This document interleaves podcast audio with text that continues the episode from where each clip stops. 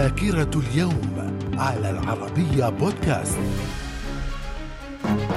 أهلا بكم إلى ذاكرة الثاني عشر من أكتوبر من العام 1492 رحلة كريستوفر كولومبوس تصل إلى جزر الباهاما في منطقة الكاريبي القريبة من أمريكا وساد وقتها اعتقاد بوصول الرحلة إلى الهند. في العام 1970 اليونان والولايات المتحدة توقعان اتفاقية تعاون وصداقة سمحت بمقتضاها اليونان للولايات المتحدة بإقامة قواعد عسكرية على أراضيها. من الذاكرة. في العام 1973 القوات الجوية الإسرائيلية تخسر سبعة من طائراتها في بورسعيد بعد أن فوجئت بصواريخ الدفاع الجوي المصري التي كانت تعتقد أنها قضت عليها تماما وقد شبهت جولدا مائير كتائب الصواريخ المصرية بعش الغراب.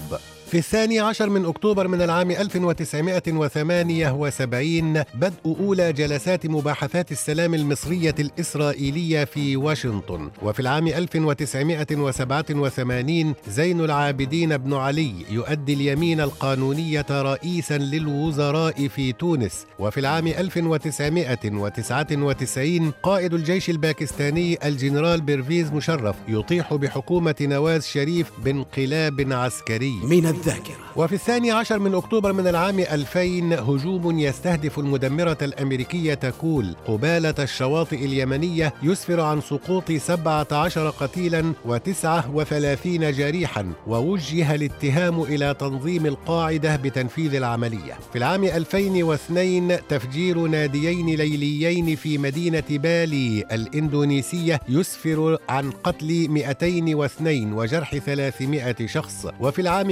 2005 انتحار وزير الداخلية السوري غازي كنعان في مكتبه وذلك بعد إدلائه بحديث إذاعي لإحدى الإذاعات اللبنانية. من الذاكرة. من مواليد الثاني عشر من أكتوبر في العام 1865 أرثر هاردن عالم الكيمياء الحيوية الإنجليزي الحاصل على جائزة نوبل في الكيمياء عام 1929 وفي العام 1866 رمزي ماكدونالد رئيس الوزراء في المملكة المتحدة. وفي العام 1935 ولد لوتشيانو بافاروتي مغني الأوبرا الإيطالي الشهير. من الذاكرة. من مناسبات وأعياد الثاني عشر من أكتوبر في إسبانيا اليوم الوطني. وفي البرازيل عيد الطفولة ويوم كولومبوس في الولايات المتحدة. وأيضا الثاني عشر من أكتوبر هو يوم المعلم في المملكة العربية السعودية. إلى اللقاء.